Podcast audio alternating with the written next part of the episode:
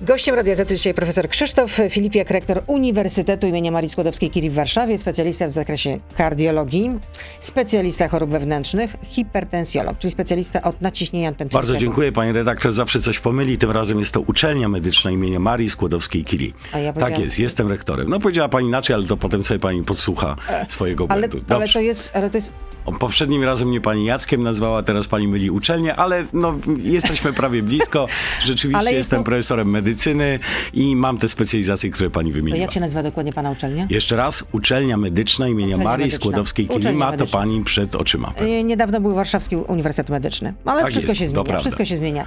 Dobrze, jeżeli chodzi o to, e, jak wygląda teraz sytuacja u nas w kraju, no to jesteśmy e, tym krajem, który jest, e, no, ma największą umieralność e, z powodu COVID-19. Jednym z w takim państwie jesteśmy. No w pierwszej E, piątce jesteśmy od dwóch tygodni codziennie, No tak słyszymy mniej więcej, że to jest około pół tysiąca osób e, codziennie umiera w związku z Tak, COVID-19. ja to lubię przeliczać na topolewy, to jest mniej więcej 5-6 topolewów dziennie. To myślę, że w tym kraju robi wrażenie, w kraju, w którym od 11 lat co miesiąc obchodzimy rocznicę wypadku komunikacyjnego, gdzie zginęło 96 osób, to codziennie rozbija się 5 topolewów. One No to- od początku teraz e, czwartej fali, no rozbito już 70 tych topolewów. Ale dlaczego tak się dzieje? Dlatego, że właśnie jest taka niska e, wyszczepialność?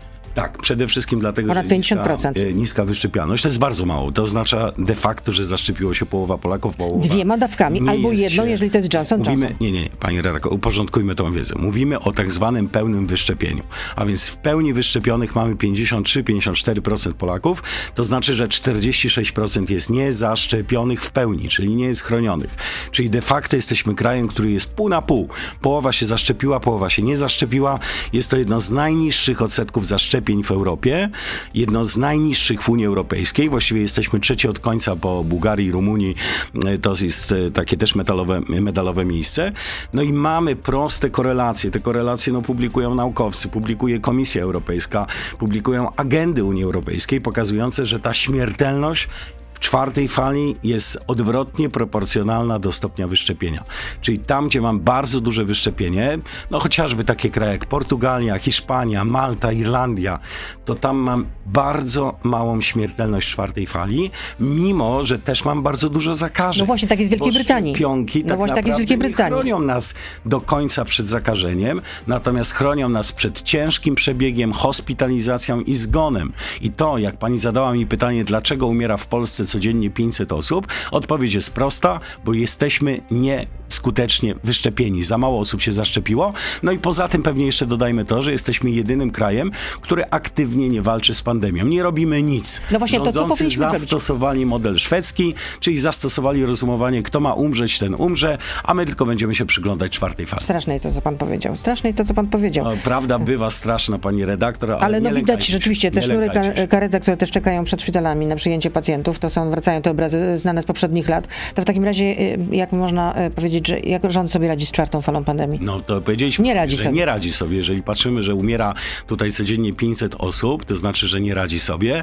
Jesteśmy, myślę, że taką białą plamą, jeżeli chodzi również o zapobieganie e, i walkę z pandemią, białą plamą w Europie. Wszystkie inne kraje wprowadziły bardzo istotne obostrzenia. Tych obostrzeń nie ma u nas. Jak No, pani ja, wie, te... bo ostatnio zaostrzyli. No, A przecież. jakie zna pani nowe zo- No, no zaostrzone pani limity? Ja osób pani niezaszczepionych, ale oczywiście y, nie, nie, ma, y, Ale nie ma jakie- narzędzi, jakie zna żeby... pani nowe zo- obostrzenia? Od, po, poza tym to nie znam. No nie ma żadnych nowych obostrzeń. Ja myślę, że to, co wprowadzono, te limity osób... Niezaszczepionych w miejscach publicznych. Niezaszczepionych, Ale jak to, wszyscy weryfikować? wiemy, że nie można tego zweryfikować, bo nie można sprawdzać paszportów covidowych. Ja myślę, że w ogóle ten cały pakiet wprowadzonych obostrzeń, to najlepszym komentarzem jest taki anonimowy tweet, który widziałem, który mniej więcej mówił tak. Jeżeli planowałeś e, komunię dziecka w grudniu i zaprosiłeś sporo gości z Botswany, to masz problem. I to jest jedyna, e, jedyne racjonalne podsumowanie obostrzeń, które zostały w Polsce wprowadzone. Nadal nie działa paszport covidowy, nadal nie wprowadzono, oczywiście no, ma pani redaktor w stosunku do tego jakiekolwiek wątpliwości. Czyli co, Skoro nie rozumiem, ma że- wątpliwości żaden europejski kraj, tylko takie wątpliwości ma Polska.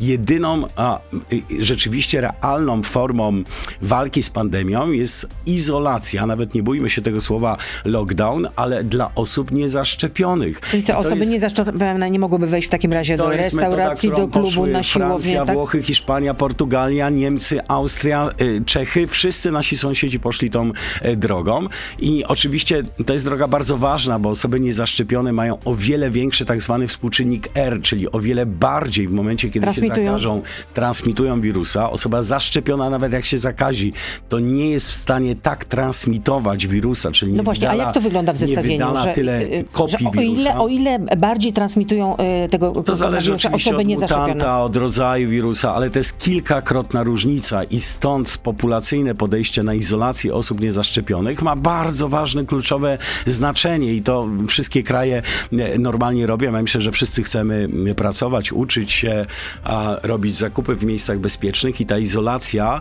osób niezaszczepionych ma tutaj y, kluczowe znaczenie. Jest jeszcze jeden bardzo ważny element. Ja rozumiem, że pani redaktor i państwo też sobie zdają z tego sprawę, że wystarczy, że w takim kraju jak Niemcy Angela Merkel razem z nowym kandydatem, czy już kanclerzem Niemiec wyjdą i powiedzą, że od przyszłego lutego jest obowiązkowe szczepienie na No trzeba to zatwierdzić, jeszcze Bundestag musiał I zatwierdzić. To jest zapowiedź, mówię tak. o samej zapowiedzi, proszę doczekać do końca mojej wypowiedzi. Więc wystarczy, że zapowiedzą, że od e, lutego jest obowiązkowe szczepienie, zapowiedzą jeszcze większe restrykcje dla osób niezaszczepionych, które polegać będą na tym, że taka osoba niezaszczepiona de facto może wyjść już tylko do sklepu spożywczego, no do i apteki. czasem do drogerii i apteki. I tak naprawdę to wystarczyło, żeby w Niemczech ustawiły się kolejki do punktu szczepień. Czyli sama zapowiedź wystarczyła. To jest takie łagodne narzędzie wymuszania jednak zmiany decyzji o szczepieniach. Na wymuszania Moi jednak, tak. znajomi opowiadają w Niemczech, że stoi się 7 godzin do punktu szczepień w kolejce, żeby się zaszczepić, ponieważ wszyscy ruszyli do punktów szczepień. To samo się dzieje w Austrii. Rekordy Czyli sądzi pan, że gdyby u nas na przykład wyszedł premier Morawiecki i powiedział, że od lutego czy tam od marca są szczepienia obowiązkowe, to wtedy tak, po prostu myślę, byłby szturm na te punkty myślę, szczepień? Myślę, że byłoby to co najmniej e, takim samym efektem. Może akurat osoba, którą pani powiedziała, nie wiem, czy ma, darzy się ją aż takim autorytetem jak kanclerza Niemiec, więc nie wiem, czy byłoby to Może prezes Kaczyński powinien wyjść. No to już zostawiam pani ocenę autorytetów. No jest wicepremier do spraw bezpieczeństwa, jak nie było. No, a, tak, a zdrowie tak publiczne słyszałem. to również jest też sprawa tak bezpieczeństwa. Czyli pan jest orędownikiem jednak e, szczepień obowiązkowym, tak? Ja myślę, że po pierwsze musimy popatrzeć na skuteczne metody zwalczania pandemii. Są kraje, które już ten obowiązek wprowadzają. Jest to Austria, mamy zapowiedź w Niemczech. Mamy kilka innych krajów na świecie, które wprowadziły obowiązkowe szczepienie e, przeciwko COVID-19, ale masa bardzo duża liczba e, krajów wprowadziła już obowiązkowe szczepienie COVID-19 dla określonych grup zawodowych. Mówię tutaj o pracownikach ochrony zdrowia, nauczycielach, handlu, e, pracownikach transportu publicznego. Jeżeli chodzi o ochronę zdrowia, takie obowiązkowe szczepienie wprowadzono we Francji, wprowadzono w Wielkiej Brytanii, w Grecji, w Australii, w Nowej Zelandii, a więc także w krajach, które sobie znakomicie radzą z pandemią i nie mają takiej śmiertelności. To jest podstawa. O tym musimy dyskutować, ale myślę, że pierwszym krokiem, który już zrobił cały świat, a tego kroku w Polsce nie ma, jest sprawdzanie paszportów covidowych. Tylko to nam pozwoli na, od na, na, na taką, no nie bójmy się tego słowa, segregację osób niezaszczepionych od zaszczepionych. To jest bardzo ważna rzecz. Pani redaktor przekręca głową i nie jest bo, pewna, czy bo, to jest bo, prawda. nie wiem, jakie ma pani jednak... Y, y, doświadczenia, nie wiem, jako rodzic na przykład, ale piszą do mnie moje koleżanki, które mają e, dzieci w warszawskich żłobkach i w takim warszawskim prywatnym żłobku wszystkie panie, które opiekują się dziećmi są niezaszczepione. To jeżeli pani skonfrontuje tę wiedzę z tym, że coraz więcej małych dzieci a, trafia z COVID-em do szpitala, dzieci z powodu COVID umierają, dzieci z powodu COVID mają a, udary mózgu, czego wcześniej nie opisywano w poprzednich falach e epidemii. W Legnicy w zeszłym tygodniu czterech niemowlaków trzeba było a, przyjąć do szpitala z ostrą niewydolnością oddechową. Z tego co e, czytałem, trzy, trzy niemowlaki trzeba było podłączyć do respiratora, czwartego tylko nie dlatego, że był urodzony z matki zaszczepionej. Te trzy z niezaszczepionej, niemądrej matki były urodzone i niestety dostały COVID i a, trzeba było je podłączyć do respiratora. Więc w tym kontekście myślę, że też warto y, y, myśleć o tej segregacji. Na przykład ja bym wymagał, mając, mia, mając dziecko w przedszkolu czy w żłobku, żeby być Personel pewny, był zaszczepiony. Personel był zaszczepiony. I Tymczasem muszę... dyrektor, dyrekcja takiej placówki nawet nie może spytać o to, czy pracownik jest no, zaszczepiony. Nie może, rzeczywiście. E, tutaj stawiamy pauzę. Profesor Krzysztof Filip, e, Filipiak z nami zostaje. Oczywiście jesteśmy na Facebooku, na Radio ZPL, na YouTube, więc proszę zostać z nami. Beata Lubecka, zapraszam. Powiem panu, panie profesorze, że y, dzisiaj Dziennik Gazeta e, Prawna pisze, powołując się na szefa Rządowego Centrum Analizy Norberta Maliszewskiego, że rząd się przymierza do tego, żeby Słyszałem tą wprowadzić... wypowiedź, a wie pan, e, jest pan Maliszewski. Pan Maliszewski jest od PR-u, tak naprawdę nic innego nie robi, więc jak ktoś takiego puszczają to tylko po to, żeby zobaczyć, jaka będzie reakcja, No- nie ma to nic wspólnego z żadnymi planami rządowymi. Żadnej nie sądzi pan, że ustawy, będą, że, Żadnego rozporządzenia że nie, ma będzie obowiąz, obowiązkowego szczepienia dla zawodów Założyć medycznych, nauczycieli i służb? O, o szampana? Mogę się założyć. No, ja sądzę, że nie będzie. Z tą władzą Dobrze, zakładamy się, zakładamy się. E, Przy czym poziom wyszczepienia, trzeba przypomnieć wśród lekarzy, to jest 92%, W związku z tym czyli nic wysoki. nie zmieni. Tak naprawdę Wojsko i służby jest, e, 87%, nauczyciele to jest około 80%. No to nic, no to niewiele to zmieni. Niewiele to Niewiele to zmieni. Czyli dlaczego, dlaczego rząd takie małe kroki stawia? Albo w ogóle nawet zapowiada, że będzie stawiał. Bo tak naprawdę przestał pandemią się zajmować. Jak to przestał się zajmować? No tak to, tak jak powiedzieliśmy cały czas, że przyjęliśmy model szwedzki. Czyli przyjęli model szwedzki rządzący, czyli patrzą, kto ma umrzeć, to umrze. Dostawiają kolejne łóżka covidowe w szpitalach i na tym polega zarządzanie pandemią. Nie ma żadnych realnych środków e, kontroli pandemii. No, ale są też badania, z których wynika, że co czwarty Polak wątpi w skuteczność szczepień. To są e, pracownia Social Changes dla, na zleceniu portalu w polityce.pl. Co czwarty Polak wątpi w skuteczność szczepień. Panie redaktor, a dlaczego pani się dziwi, skoro tak naprawdę w tym kraju e, pandemia trwa już prawie dwa lata? Mhm. Ja nie widziałem żadnej akcji edukacyjnej dotyczącej szczepień. Nie widziałem żadnej akcji modułu edukacyjnego w Narodowym Programie Szczepień. Nie widziałem e, akcji namawiającej do szczepień dzieci. Nie, nie widziałem akcji namawiającej No, do celebryci namawiali do szczepienia. A, no to była jedyna chyba dobra promocja tak naprawdę, kiedy spod lady zaszczepiono y, celebrytów i myślę, że to była jedyna, e, jak dzisiaj patrzę, PR-owo skuteczna akcja, która zainteresowała szczepionką. Tak przypadkiem. E, tak przypadkiem. E, e, to już oczywiście żart, ale... No e, potem to się e, hejt raczej wylał na tę osobę. że, że wie pani, y, dla mnie jest to przerażające. Pamiętam y, teraz w czwartej fali taki dzień, kiedy zmarło rekordowo dużo, chyba to już było 6 czy 7 tu polewów tego dnia się rozbiło. Bardzo zmęczony wróciłem po pracy do domu, otworzyłem skrzynkę pocztową i z tej skrzynki wypadła kolorowa, drukowana na pięknym papierze ulotka rządowa, dostarczona do domu każdego Polaka o tym, ile będę w przyszłym roku zarabiał w związku z Nowym Ładem. I tak sobie pomyślałem, rząd ma e, pieniądze, ma środki, Na propagandę. Ma na propagandę, na zawiadamianie mnie o ustawie podatkowej w momencie, kiedy umiera najwięcej Polaków od II wojny światowej. Nad tym nikt nie panuje. Nie przypominam sobie żadnej ulotki, którą by ktoś skierował na temat zachęcenia do szczepień. Nie wiem, czy pani pamięta, ale kiedyś nawet odbywały się na początku e, tej kampanii szczepionkowej e, konferencje rządowe. Pewien minister brylował w mediach, co tydzień te konferencje Teraz były. nie- teraz nie sposób mówię o takim ministru, ministrze, który chyba jest tam specjalistą od e, zabezpieczeń skrzynek mailowych. Michał wa- Dworczyk teraz nie właśnie, przyjmuje zaproszeń do, do programu. Teraz właśnie y, no Nie ma konferencji cisza, prasowych. Nie ma konferencji prasowej. Ja nie wiem, kto zarządza pandemią. Czy tylko pan minister, który jest ekonomistą i on stoi na straży tych 500 zgonów dziennie. Nie wiem, czy robi to Rada Medyczna, która też właściwie publicznie się nie wypowiada i nie słychać jej y, głosu, a nawet jej stanowiska moich znakomitych kolegów, profesorów medycyny nie są publicznie dostępne. Nie, ja no raczej się, słychać, że rząd ich nie słucha. no ich nie słucha, ale przede wszystkim te stanowiska też nie są dostępne, wie pani, bo gdyby były dostępne, moglibyśmy je komentować, moglibyśmy wywierać presję. Nie powinni wydawać jakieś To oświadczenia jest pana zdaniem. element takiej edukacji, o której pani mówi. Tej edukacji zabrakło. Ja muszę powiedzieć, proszę państwa, że jestem przerażony tym, bo codziennie umiera 500 osób, a ja mam takie wrażenie już nie jako lekarz, profesor medycyny, ale jako obywatel, szary obywatel, że No nie e, rządzący tak naprawdę próbują odwrócić moją uwagę od tej największej tragedii, tak? Bo e, jak otworzyłbym, staram się tego unikać, rządową telewizję, telewizję publiczną z moich podatków, to albo usłyszę tam o kryzysie na granicy, albo zobaczę konferencję prasową, na której ktoś mi film pornograficzny z krową pokazuje, e, albo usłyszę o, o zjeździe neofaszystów, y, prawda, prawicowych w Warszawie, albo wczoraj e, no, otwieram i widzę olbrzymi koncert poświęcony uwadze żołnierzy na granicy i, i główną celebrytką tego koncertu i piosenkarką, jest e, pani, która znana jest głównie z tego, że nie wierzy w COVID i Jest mówi, koronasceptyczką. że... e, No wie pani, no proszę nawet nie używać mojej redaktor sformułowania koronasceptyczny o kimś, kto kontaktuje się z Marsjanami i mówi, że osoby, które umierają w, e, w szpitalach, to statyści.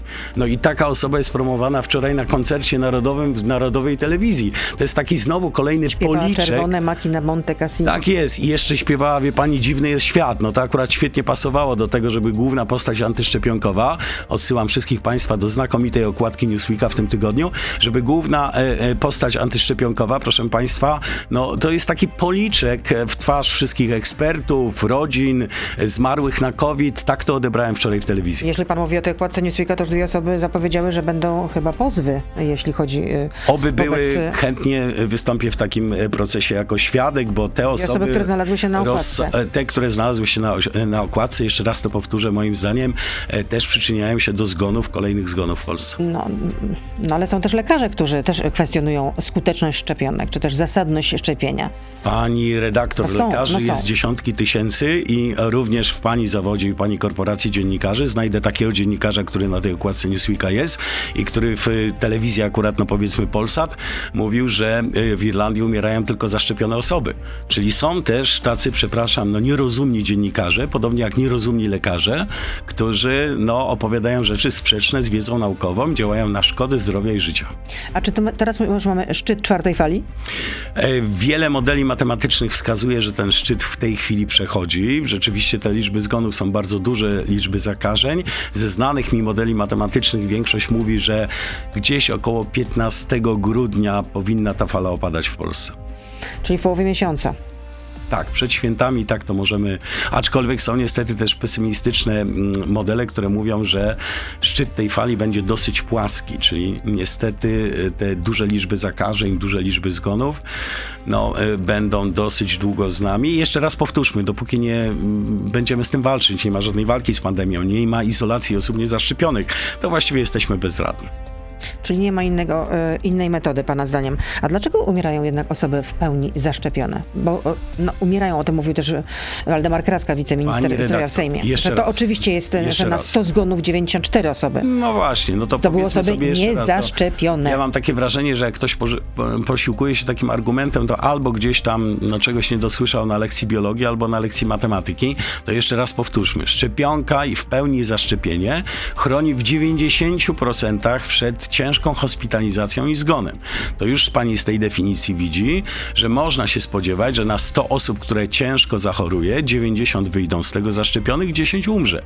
Natomiast niezaszczepienie powoduje, że przykładowo 50% z tej grupy niezaszczepionych będzie umierać. I to widzimy wszędzie, w każdym dobrze wyszczepionym kraju. Te kraje nie mają problemu z taką śmiertelnością. Tam jest 6-10 zgonów dziennie. U nas jest 500. Taka sytuacja jest tylko w Bułgarii, Rumunii, Polsce, więc w krajach najgorzej Nie, czytałam, że w. Wielkiej Brytanii też jest około 150 zgonów dziennie. A ile ma ludności Wielka Brytania? 67 milionów. No, to znaczy, że tak jakby, w Pol- jakby było tam 75 Nie, no to na zgonów, milion, porównując nie, z no to naszymi na milion to 500. jest półtorej osoby do dwóch osób. No, No, tak. czyli to jest zupełnie inna skala niż tak naprawdę w kraju tak źle zarządzanym pandemicznie i tak źle wyszczepionym jak Polska.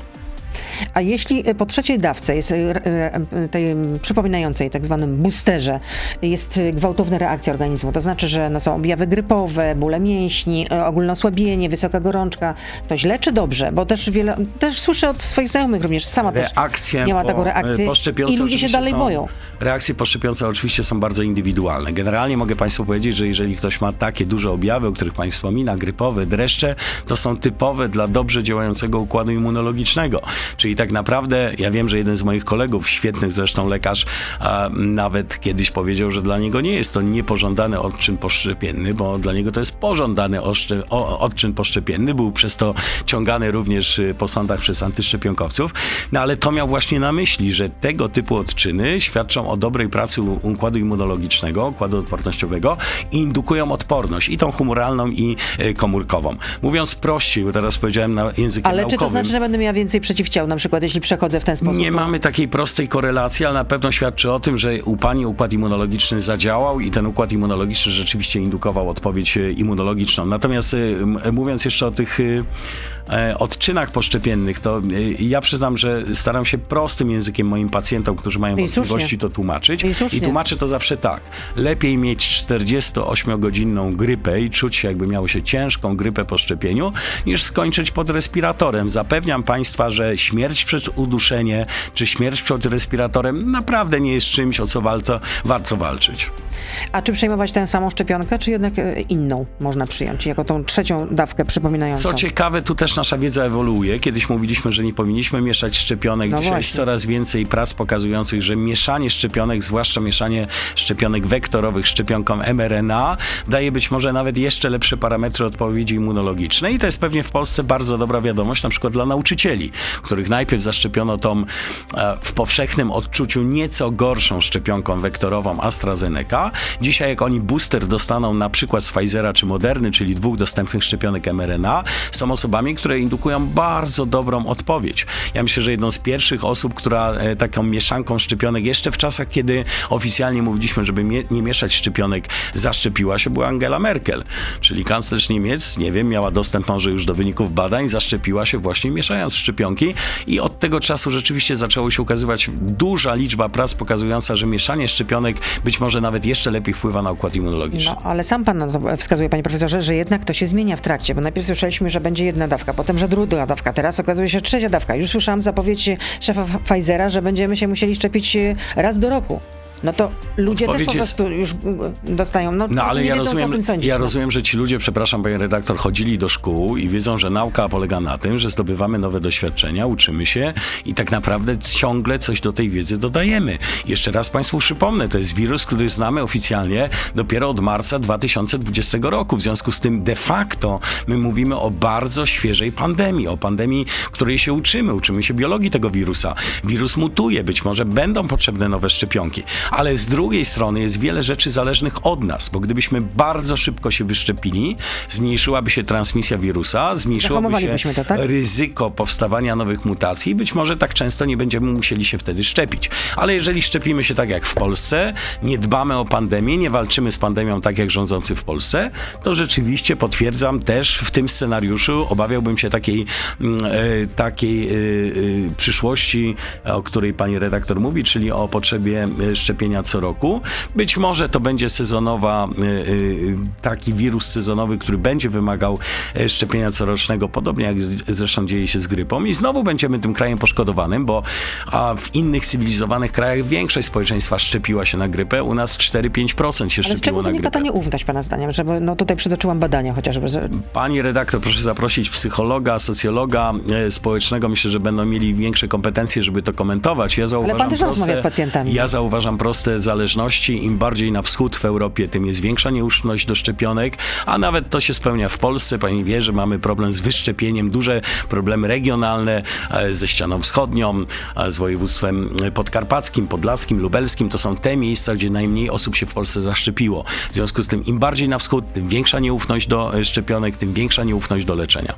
A e, po jakim czasie osłabnie ta e, odporność po przyjęciu trzeciej dawki? To będzie 8 miesięcy, 10 miesięcy? Można już przewidywać, nie można. badania są Czy to też bardzo- będzie, wa- że wyjdzie w tak zwanym praniu? bardzo różne. Obawiam się, że będziemy musieli poczekać jeszcze, bo na tą odpowiedź też no, musimy mieć follow-up tak zwany, czyli obserwację długotrwałą, ale większość ekspertów mówi, że to prawdopodobnie no, po trzeciej dawce rzeczywiście ona buduje dużą odporność. E, Raczej na rok to powinno starczyć. No chyba, że coś się stanie z wirusem, on zmutuje w kierunku Po łagodnej, kolejny. my się mocno wyszczepimy i nagle się okaże, że na trzeciej dawce w ogóle poprzestaniemy i nie będzie potrzeby kolejnych szczepień. Ale w innym scenariuszu będą pojawiać się nowe mutanty, nadal bardzo duży odsetek będzie osób e, niezaszczepionych i niestety będziemy dążyć w kierunku, no być może e, takiej konieczności corocznych szczepień. Zresztą wie pani, to może jest ciekawa informacja dla naszych słuchaczy. Mm, Ja obserwuję to, co robią duże koncerny farmaceutyczne produkujące szczepionki. Tam zaczęły się prace badawcze również nad taką szczepionką poliwalentną, która w jednej szczepionce Em, jest szczepionką przeciwko COVID i przeciw grypie. Więc myślę, że to też świadczy o tym, że część pewnie ekspertyz naukowych tych dużych koncernów idzie w kierunku, że niestety będzie potrzeba takiego sezonowego szczepienia i żeby zachęcić tych ludzi do szczepień, być może wytworzymy taką szczepionkę, która będzie jednocześnie szczepionką przeciwko grypie i przeciwko koronawirusowi. A czy przed przejęciem trzeciej dawki na przykład warto by wykonać badania na e, liczbę przeciwciał? Nie, nie warto, nadal mówimy, wszystkie organizacje i towarzystwa naukowe mówią, że nie ma sensu i nie ma żadnych wskazań lekarskich do oznaczania e, tak zwanego poziomu przeciwciał. E, Nie jest ono żadnym e, elementem, który by decydował o konieczności przyjęcia trzeciej dawki.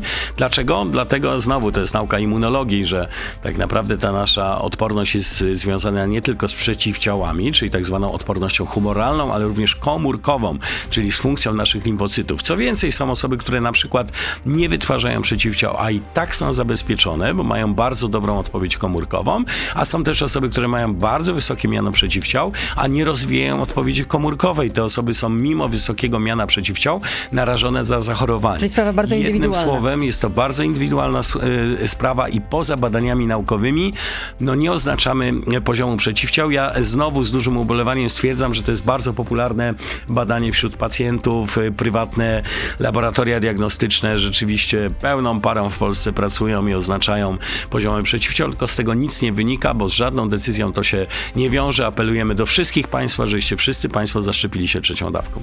Nie wiem, czy pan wie, ale w mediach społecznościowych to krąży taka obecnie tabela mm, WHO, czyli Światowej Organizacji Zdrowia i ona ma niby dowodzić, że po podaniu tych y, szczepionek na COVID-19 skutki uboczne wystąpiły 2,5 miliona razy. No wie pani, ale skutek uboczny, to znowu y, dajmy taką definicję, no to są prawdziwe dane, tylko co to znaczy skutek uboczny? No, skutek uboczny, czyli jak mówimy odczyn poszczepienny, to może być siniak w miejscu e, podania, to może być ból Boląca ręka, tak. która e, boli 12-24 godziny. Tak, ja też mnie ręka bolała i po pierwszej, i po drugiej, i po trzeciej e, dawce Pfizera. Dwa dni mnie bolała ręka, no i nie uważam, żeby to było coś, co wpływa na moją decyzję o szczepieniach, ponieważ jestem lekarzem, jestem wykształconą osobą i wiem, że szczepię się nie tylko dla siebie, ale także dla innych, po to, żeby w Polsce nie umierało e, 500 osób dziennie. To jest pierwsza uwaga. Druga e, mm, uwaga to jest taka, że pani redaktor epatuje nas tutaj liczbą 2,5 miliona. Nie ja e, epatuję, no. Dobrze, pani redaktor na, to- na wespół z WHO e, epatuje nam liczbą 2,5 miliona odczynów, tylko proszę pamiętać, że szczepionkę podano w tej chwili 7 miliardów razy.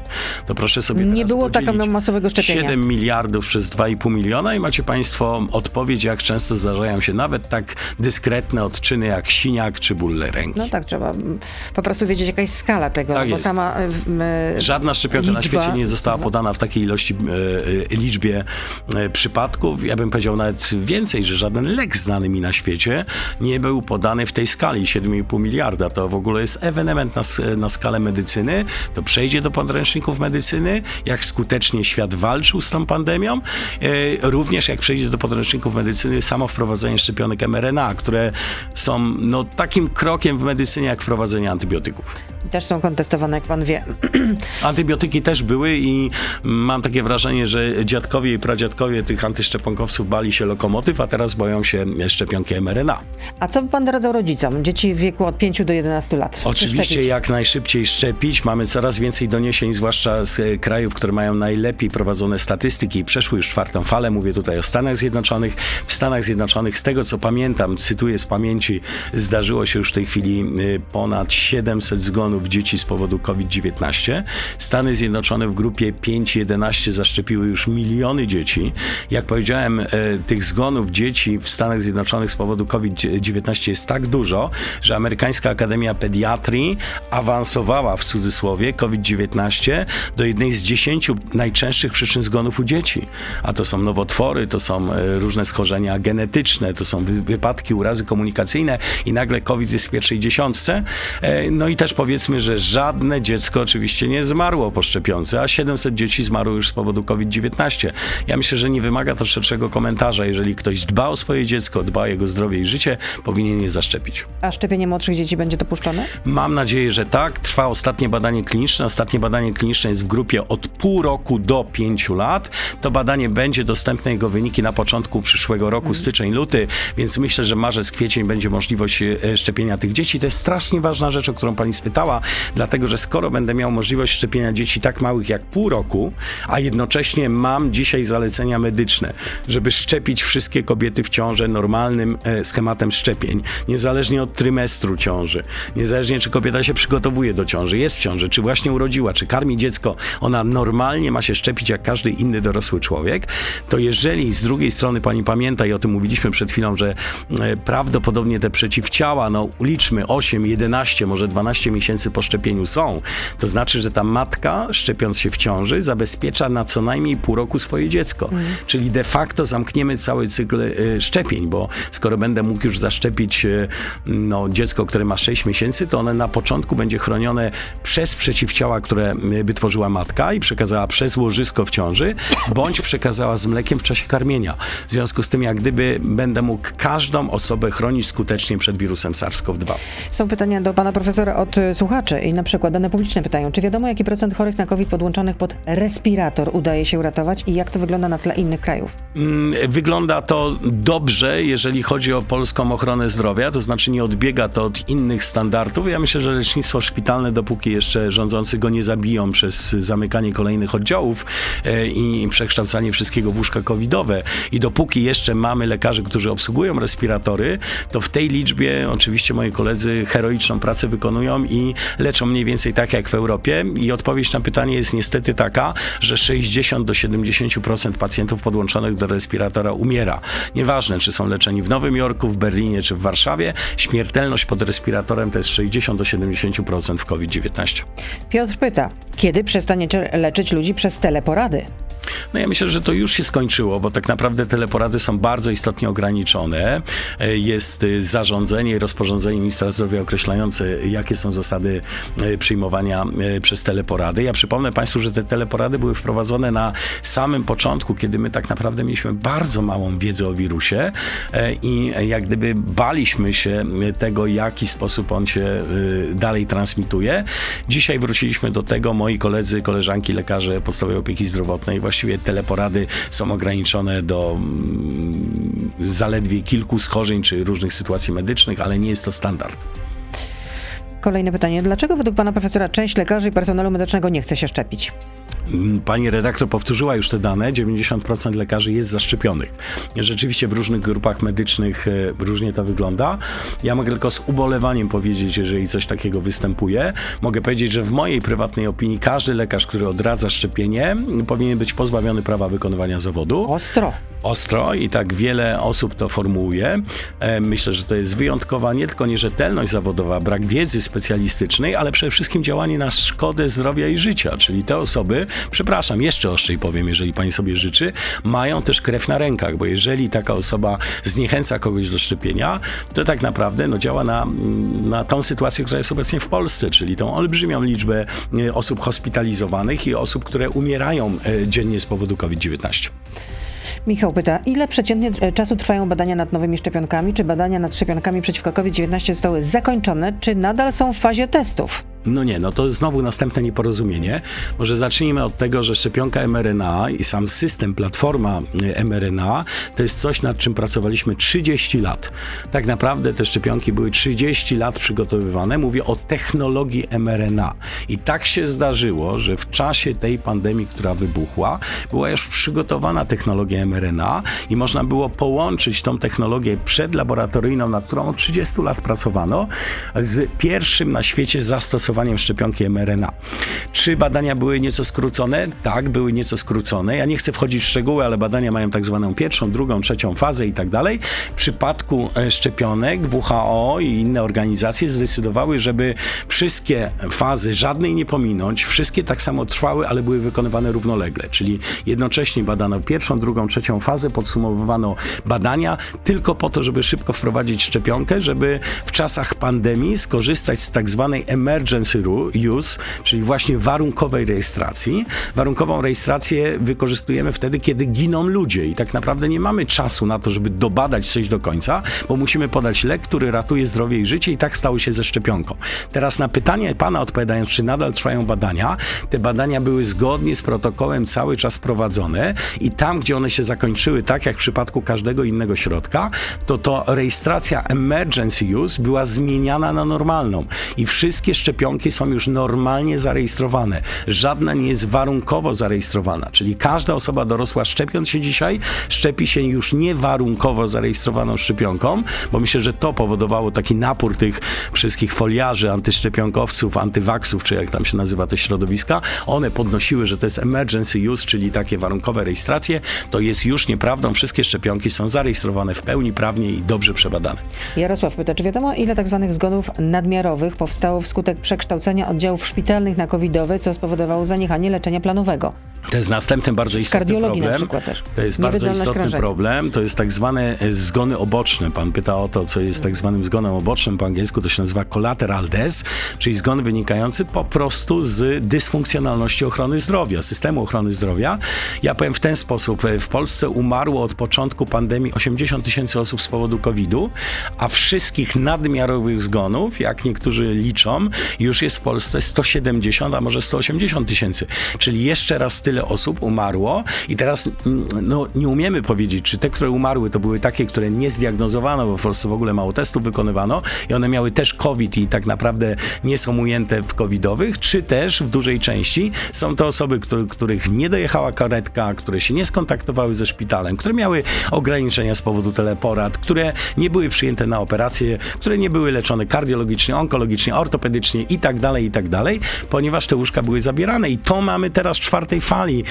Rządzący ograniczają się jedynie do powiększania y, y, bazy łóżek covidowych, a każde powiększenie bazy łóżek covidowych to jest likwidacja miejsc, miejsc do leczenia osób z innymi chorobami. Czyli to też napędza zgony i dlatego tych zgonów mamy tak No tak, dużo żeby gdzieś dać, to trzeba gdzieś e, odjąć. Dokładnie tak. Jeszcze powiedzmy, bo to, To może się, nie być- to się nie multiplikuje, lekarze może, też się nie e, multiplikują. być dla Państwa e, bardzo e, ważne to rozumowanie, co to są te zgony nadmiarowe. Ja posługuję się tą liczbą, że od początku pandemii to jest 170 tysięcy zgonów. To bardzo prosto wyliczyć. Po prostu bierzemy z danego roku pandemii liczbę zgonów i porównujemy ją z średnią z pięciu lat przed pandemią. I nagle się okazuje, że Polska jest jednym z krajów Unii Europejskiej number one, czyli mamy medalowe miejsce w ilości nadliczbowych zgonów, czyli trwa masowy proces wymierania Polaków, największy od II wojny światowej, ale Państwo o tym nie jesteście informowani, możecie Państwo obejrzeć za to koncert Edyty. Jesteśmy, przecież o tym informowaliśmy dzisiaj chociażby, informujemy to w, w naszej rozmowie. No tak, panie redaktor, dlatego rozmawiamy o różnych mediach, różnych dziennikarzach, tak jak o różnych lekarzach, mnie pani zapytała.